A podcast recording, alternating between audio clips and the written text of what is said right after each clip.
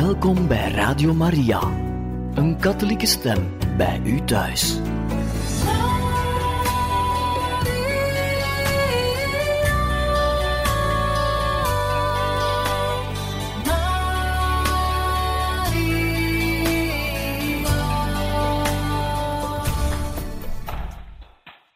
Welkom beste luisteraars van Radio Maria.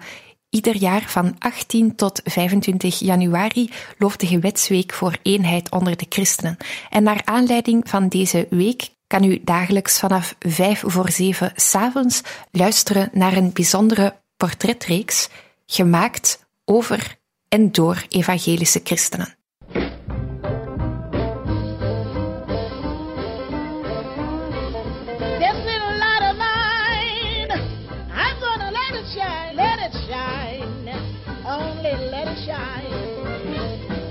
Evangelische christenen. In Vlaanderen vaak onbekend, maar wereldwijd met 600 miljoen. Ontdek bijzondere verhalen van gewone gelovigen in kerkinzicht en kennismaking.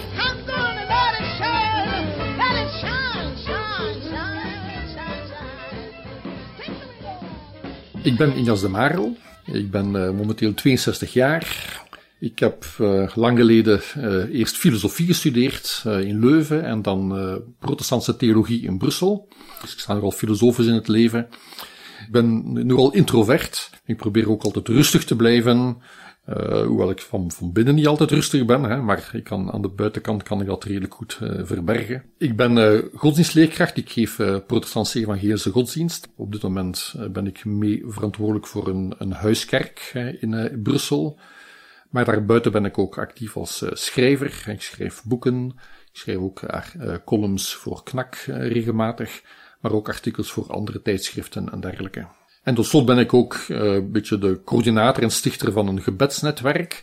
Dat wil zeggen zo'n netwerk van mensen die op hun hart hebben om te bidden voor het land, voor vele dingen. En dat ook de, over vele kerken heen. En dat doe ik zo ook al ongeveer eh, 23 jaar, denk ik.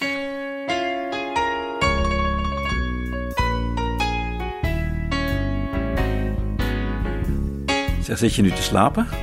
Nee, hoezo? Nou, je hebt je ogen dicht. Ah nee, ik probeerde eigenlijk eh, te bidden. En daarvoor doe je je ogen dicht. Ja, dat hoort ook zo, eh, je ogen sluiten als je bidt, niet?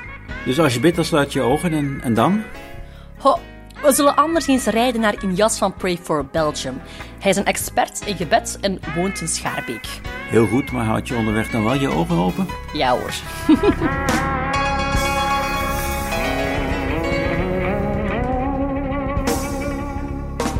Dag Injas. Dag Chiara. Het is deze week de week van gebed voor de eenheid van de christenen. Dus jij bent als eh, gebedsexpert, om het zo te zeggen, de ideale persoon om dan eens een babbeltje mee te doen. Hoe gaat het met jou? Ja, goed hè. Eh, altijd druk bezig op vele fronten. Hè, met het gezin, ook de job, maar ook daar buiten inderdaad ben ik veel bezig met gebedsinitiatieven, ook de gebedsweek. Dus eh, er zijn altijd wel vele goede dingen om aan deel te nemen of mee te organiseren. Jij bent 62 jaar. Hoe is dat om 62 jaar te zijn? Zo net eentje meer dan 61, hè? Ehm, wel, ik moet zeggen, toen, toen ik 60 jaar werd, dan eh tevoren dacht ik van, ik ga daarom treuren, maar eigenlijk ik, ik vond ik vond dat leuk. Zo, ik, ik kon er de voordelen van zien, hè, van zo 60 plus te zijn. En eh natuurlijk kun je ook zuchten om, om alle pijntjes die je hebt in je lichaam en de, de krakende gewrichten en zo. Maar nee, ik moet ik zeggen dat ik er eh, daar positief naar kon kijken, naar zo ja, meer een beetje bezadigd zijn of meer eh, rustig in het leven staan. Dus eh, nee, ik, ik kan ervan genieten. Waar kom, kom je eigenlijk vandaan? Kan je eens de plek omschrijven waar je bent geboren, opgegroeid? Ik ben dus eigenlijk in Leuven opgegroeid, hè, maar met West-Vlaamse ouders. En eh, ja, altijd in de buurt van het Leuvense blijven hangen. Ah, toch lange tijd en dan nog naar Limburg verhuisd en nu, nu woon in Brussel. Hoe is het om in Brussel te wonen, in de hoofdstad? Ja, dat is. ehm, ik probeer altijd aan, eh, aan Vlaamse mensen uit te leggen. Brussel is eigenlijk, dat is eigenlijk voor de helft België, voor de helft is dat buitenland. Hè. Dat is echt een hele andere wereld, heel divers. Op straat zie je het al eh, overal op het openbaar vervoer. En dat heeft eigenlijk tegelijk uh, echt zijn charmes en ook zijn nadelen. Dus ik denk, ik vind zo in een, in een wonen heeft evenveel positieve dingen als negatieve dingen, maar het hangt er af naar waar kijk je. Hè? Zo, ik weet dat er zoveel tienduizenden Vlamingen uit Brussel zijn weggevlucht hè, de laatste decennia. Uh, om naar Vlaanderen te gaan wonen. Maar ik, ik, ik kan ook echt de leuke dingen ervan zien. Hè? De veelkleurigheid, alle culturen, de talen. Um, maar ja, je moet dan, het is een soort keuze die je moet maken om je niet te ergeren aan de, aan de, de cultuurverschillen of de andere zaken zo. En dan, nee, ik, ik, ik hou er wel van om in Brussel te wonen.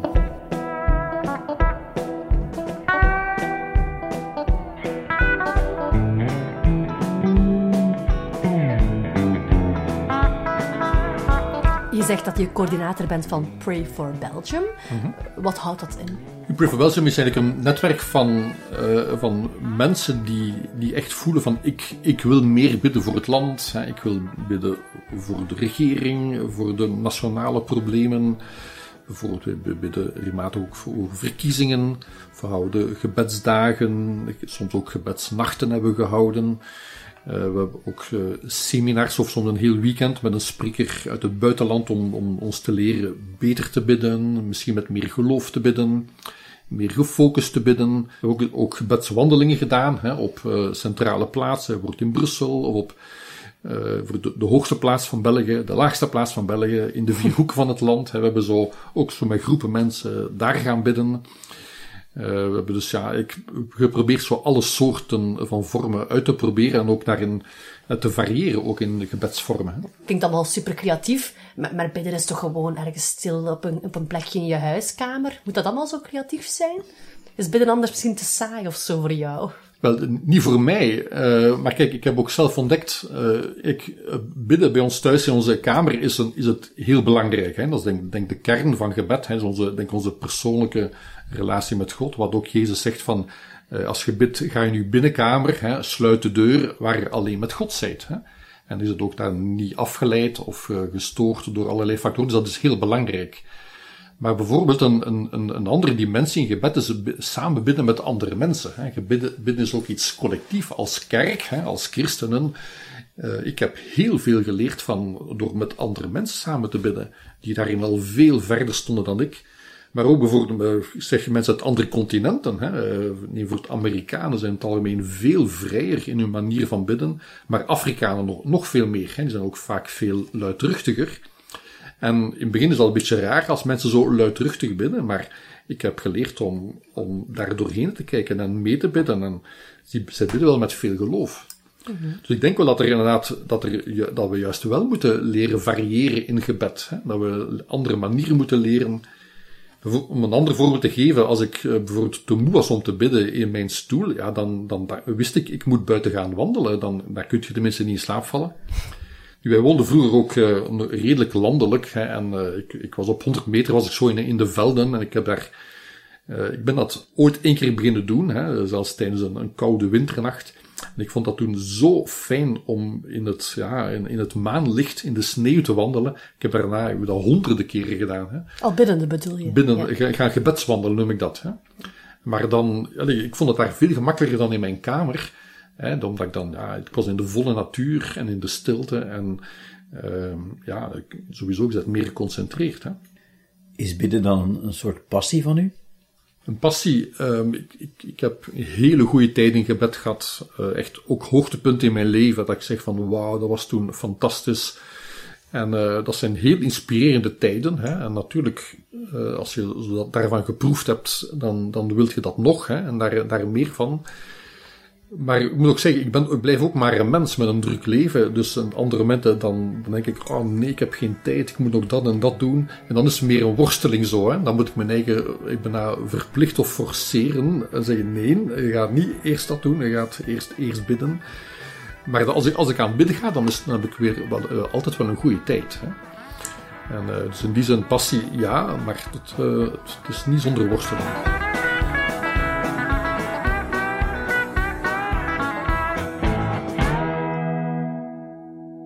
Zeg Inias, ben je ooit tijdens al dat bidden, dan eerder hier binnen in de huiskamer, al eens in slaap gevallen? Heerlijk.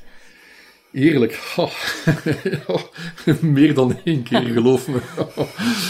Eh, maar kijk, ik, ik, heb ook daarbuiten een druk leven hoor, eh, en al een beetje te druk, en de nachten zijn vaak te kort. God begrijpt het dan.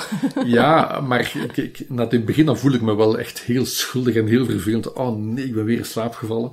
Maar ik, ik heb ook op zeker moment ook ergens leren accepteren oké, als ik in slaap val, dan ik kan beter door maar even vijf minuten dat even toelaten en daarna beter bidden als ik een klein beetje door mijn moeheid heen ben.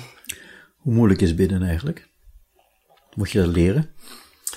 Wel, ik, ik zeg ook altijd, bidden is aan de ene kant kinderlijk eenvoudig.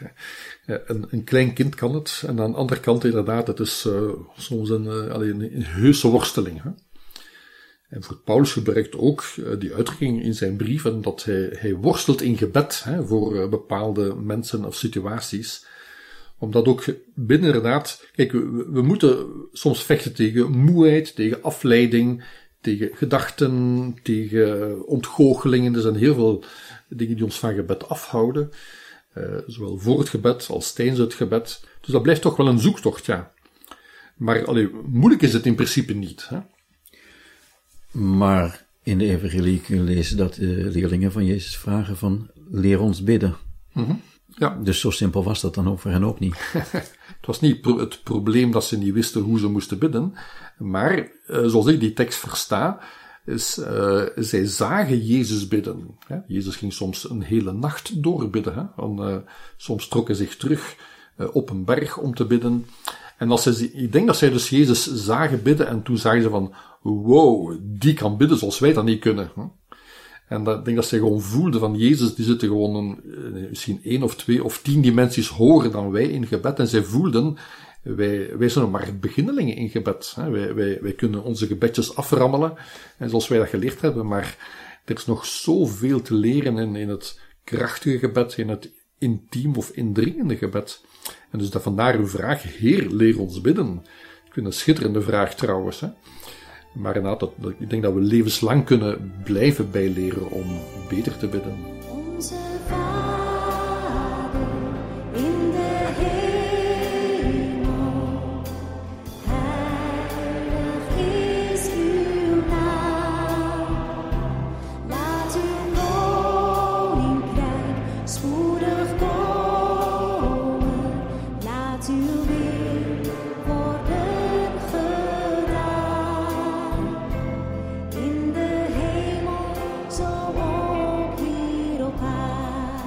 Les van Jezus duurt vrij kort, dat is dan met onze Vader geworden. In een aantal zinnen. Dat is dus bidden. Ik denk dat het, nou, dat onze Vader bedoeld is als ja, één model van bidden. Uh, wat natuurlijk een schitterend model is. Daar, daar kan je, als je dat gaat analyseren, daar, daar kan je zoveel uithalen. En daar zit ook een hele wereld achter elke zin daarvan. Hè. Maar Jezus geeft wel een soort patroon, een structuur. Maar ja, het is inderdaad een, een heel, heel kort antwoord.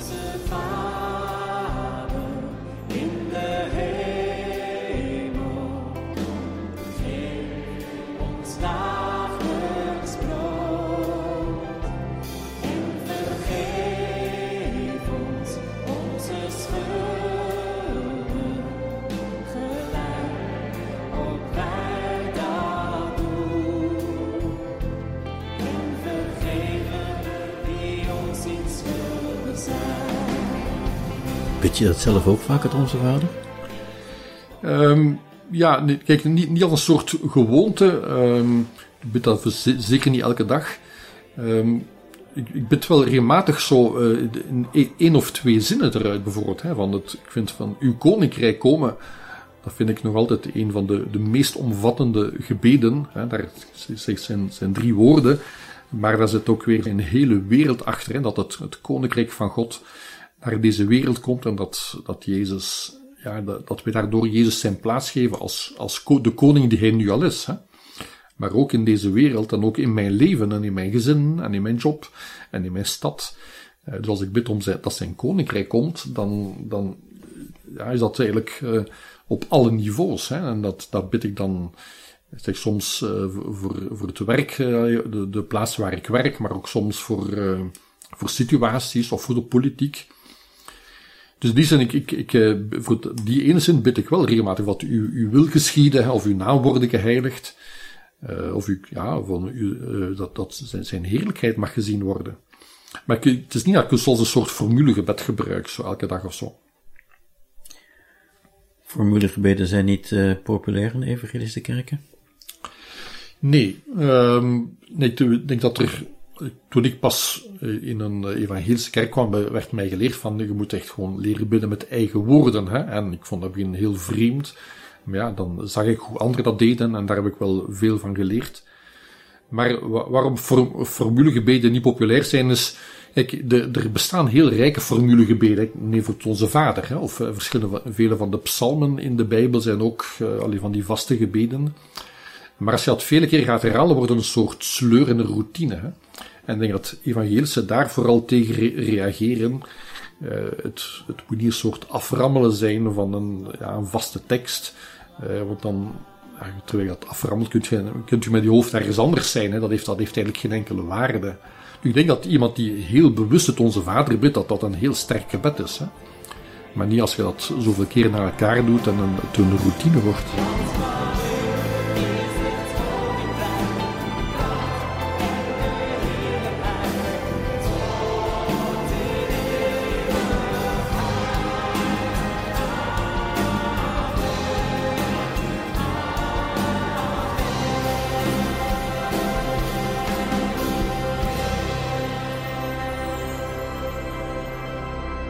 Je bent ook samen met anderen, hè, zoals je vertelde, via Pray for Belgium onder andere, uh, ook via Zoom. Is een gezamenlijk gebed krachtiger dan een individueel gebed? Ja, ik denk echt wel. Uh, ten eerste dat, dat echt mijn ervaring, maar ook Jezus uh, zegt zelf, hè, bijvoorbeeld in het evangelie van Matthäus, van waar, waar twee of drie samen zijn in mijn naam, ben ik in hun midden. Dus hij belooft eigenlijk als twee of drie mensen echt in, in een diepe eenheid iets vragen, dat het zal gebeuren. Dat zo, dus nu, dat wil niet zeggen dat het niet gebeurt als je alleen bidt, maar hij, hij, geeft aan dat daar ook een extra dimensie in zit in samen bidden. En ook, uh, mijn ervaring is ook, zeker als je met, met goede bidders samen bidt, is gewoon echt leuk. Dat gaat, van, dat gaat lekker een stoomtrein, hè? dat gaat vanzelf en dan je vult elkaar aan en dan als de ene klaar is, gaat de andere verder. Dus ik heb daar ook heel veel plezier aan beleefd aan samen bidden. En uh, ja, gewoon, ik, voel ook uh, vaak Gods inspiratie. En uh, ik heb veel, ook veel van andere mensen geleerd. Maar ik ervaar dat daar een grote kracht is in samenbidden. En is dat iets dat dan op voorhand is neergeschreven, dat je dan, dan, dan voorleest? Of, of komt dat gewoon spontaan uit het hart? Het, vaak bij zo'n ge, gezamenlijk gebedsmoment wordt wel afgesproken waarvoor gaan we bidden. Hè? Gaan we bidden voor de politiek? Gaan we bidden voor corona? Gaan we bidden voor, uh, is er iemand die pijn heeft, iemand die ziek is? Dus in die zin is er wel een soort afspraak van de, dat dat gaat de richting zijn. Maar eenmaal dat, er, dat, we dan, dat er dan bidden gaan, dan, nee, dan is we zeggen vooral van, uh, je moet je laten leiden door de Heilige Geest. En de Heilige Geest werkt die ook via Zoom?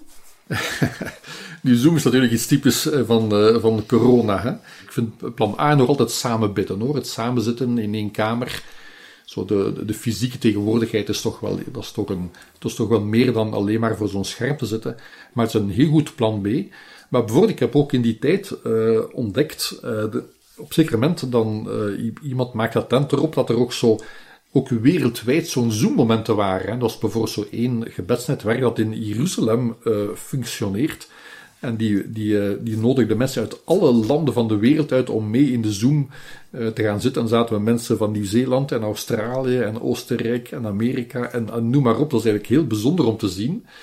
En voor mij was dat uh, bijzonder, omdat ik zag van, wauw, we maken deel uit van een wereldwijde beweging. En overal in de wereld bidden ook mensen zoals wij. Hè? Dus we denken vaak, ja, we zijn, we zijn een kleine kerk, of we zijn er maar niet zoveel. Maar in andere landen zijn er miljoenen hè, die hetzelfde doen. Dus ik, allez, Zoom heeft mij wel echt gezegend, hoor. En ik heb uh, met verschillende van die internationale netwerken samengebeden.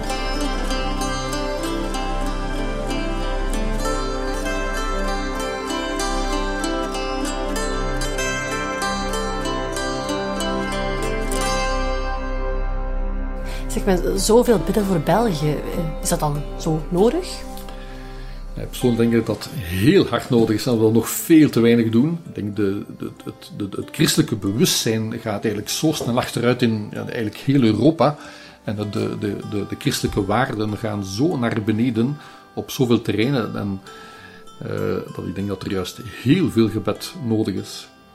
Zo bijvoorbeeld zien hoeveel de, de, de psychische ziekten toenemen, hè, depressies en alle, alle andere zaken, of het nihilisme soms bij, bij jongeren die in niks meer geloven dan denk ik, volgens mij is daar echt een verband, een duidelijk verband tussen het, het, ook het verlies van geloof. Hè, dat mensen in niks meer kunnen geloven. Dus ik, wij bidden vooral dat het geloof terugkomt, dat de mensen het geloof gaan herontdekken. Maar als de zaken in België moeten verbeteren, dan denk ik, daar hebben we de politiek voor. Daar worden de beslissingen genomen. Ja, maar natuurlijk, politiek is uh, verantwoordelijk voor politiek dingen, ook voor economische zaken of, of cultuur en dergelijke. Maar de regering is duidelijk niet verantwoordelijk voor het geestelijke niveau van mensen. Hè? Dus het geestelijke welzijn van mensen. En in, in, ik kan zeggen, voor België, politiek gaat redelijk oké. dus, dus er is nog er is heel veel aan te merken. Uh, dingen die fout gaan, maar in vergelijking met andere landen, er is vrede en er is vrijheid. Hè?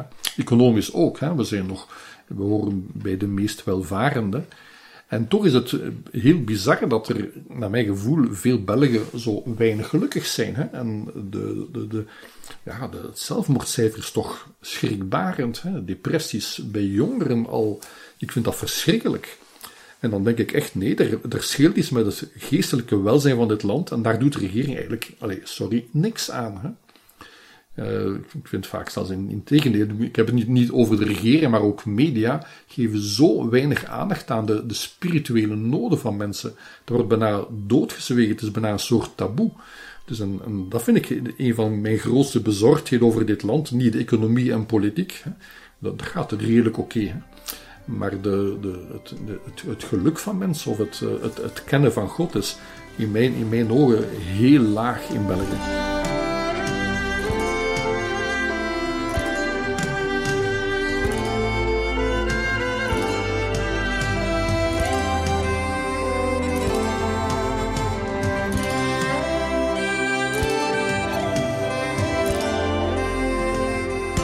Hoe ben je eigenlijk met geloof in aanraking gekomen? Het geloof leefde niet echt bij ons thuis. We werden heel vrijgelaten.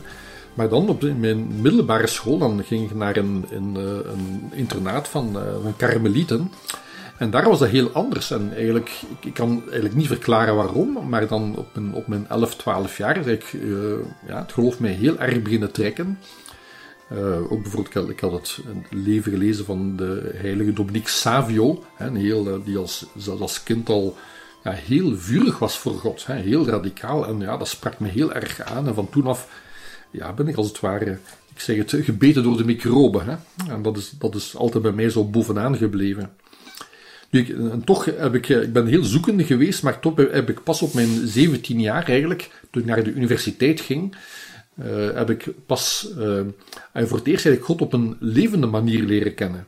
Of in ieder geval op een, een, heel niveau hoger. En dat was omdat ik toen uh, in contact kwam met een studentenorganisatie die eigenlijk inderdaad bijbestudie deed. Hè, en, of gebedsavonden deed en zo geloof verkondigde. En ze hadden een cursus die heette Leven in de Geest. En ik kan niet verklaren waarom, maar ik voelde van, dat heb ik nodig, meer van de Heilige Geest. Dus ik heb me daarvoor ingeschreven en dan, nu dat bleek dan inderdaad een evangelische studentengroep te zijn.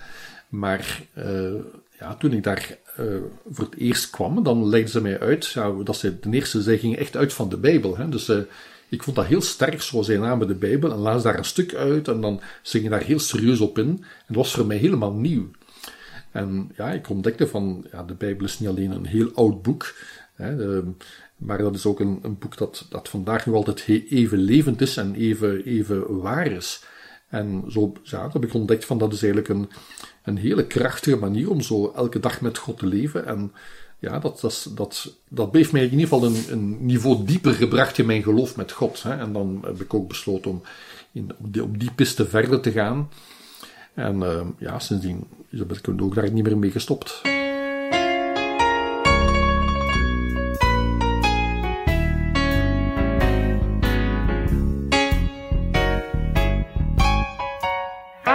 Hebt al zoveel over gebed verteld, maar uiteindelijk is het toch niet een heel subjectief, subjectief verhaal, wat jij denkt?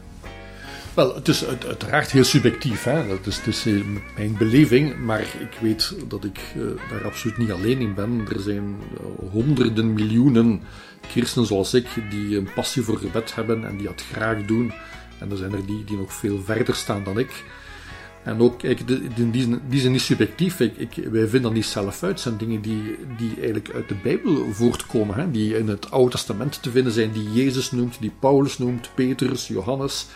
Die ons aanmanen om te bidden. Dus ik zou zeggen, ik heb dat niet zelf uitgevonden, het bidden. Hè? Hoe kan een, een filosoof eigenlijk zo zeker zijn van zijn zaak?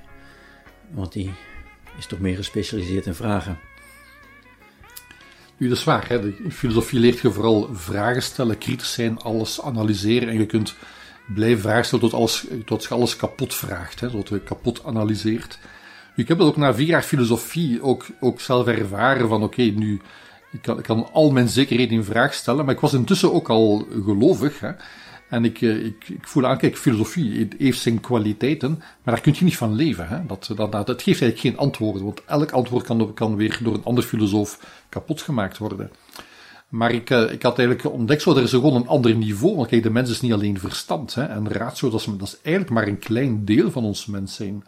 Onze geest of onze ziel is iets veel groter en veel belangrijker.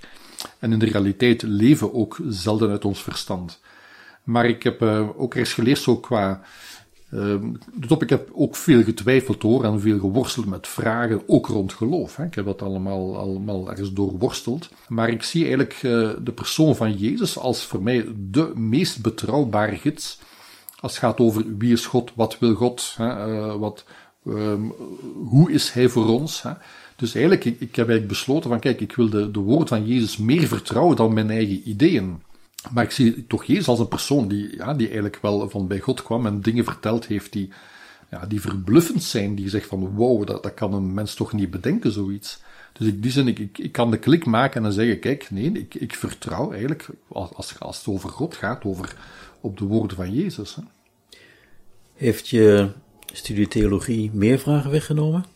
Wel, ik heb na, na filosofie heb ik dan uh, theologie gaan studeren, omdat ik mij toch wel meer in de Bijbel wou verdiepen. Nu, theologie heeft ook iets dubbels. Hè. Aan de ene kant gaat het, gaat echt over God en de Bijbel en kerkgeschiedenis en heel veel dingen. Aan de andere kant kan theologie ook heel rationeel zijn en heel zo wetenschappelijk en droog en analytisch. En eigenlijk kun je in theologie ook bijna alles kapot analyseren, hè, zo met de wetenschappelijke methode. Dus ik heb eigenlijk zo ook moeten leren, ook in, in theologie, van, uh, van zo ook daaruit te, te nemen de dingen die mijn geloof opbouwen en de dingen die eigenlijk meer door mensen uitgevonden zijn. Hè. Ik, ik heb eigenlijk geleerd van, ik, ik, ik ben niet alleen een, een, verstand of een grijze hersenmassa, nee, ik heb een ziel, ik heb een hart, ik heb een geest en ik moet die voeden hè, en ik wil op een ander niveau leren leven.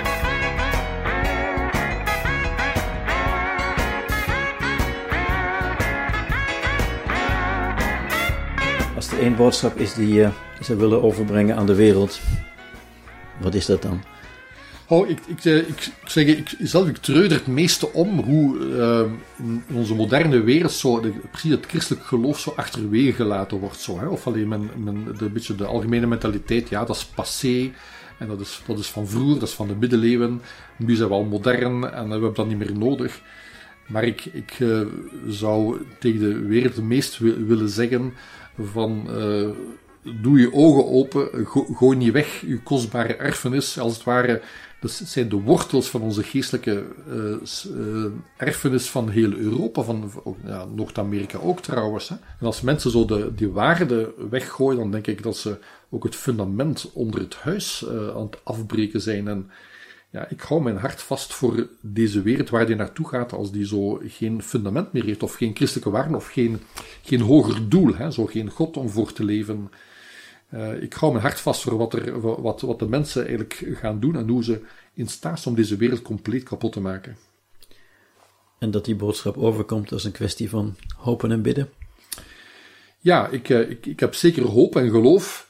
Uh, om, om de, belangrijkste reden, omdat ook in de Bijbel staat dat aan het einde van de wereld alles weer bij God komt. Hè, dus dat God alles zal herstellen en alles nieuw maken. Daar, daar ben ik vooral heel blij mee. En dus veel bidden en, en verwachten. En ook al ziet je een wereld die ze nog altijd erg van God afkeert, toch, ja, ik, ik blijf ergens geloven en hopen dat er een keer komt, hè, dat het tij gaat keren en dat mensen gaan beseffen, ho, we zijn al veel te veel afgegleden en we moeten terugkeren naar onze, onze, onze rijke erfenis die wij aan het weggooien zijn. I said, this been a lot of mine. I got to let it shine, shine, shine, shine. This been a lot of mine. I'm gonna let it shine. This is a light of mine. I'm gonna let it shine, let it shine, let it shine, let it shine. Gonna let it shine, let it shine, let it shine. Dit was een programma van Radio Maria in samenwerking met TWR en Medianetwerk. Vlaanderen. Wil je meer podcasts van TWR horen? Surf dan naar twr.be.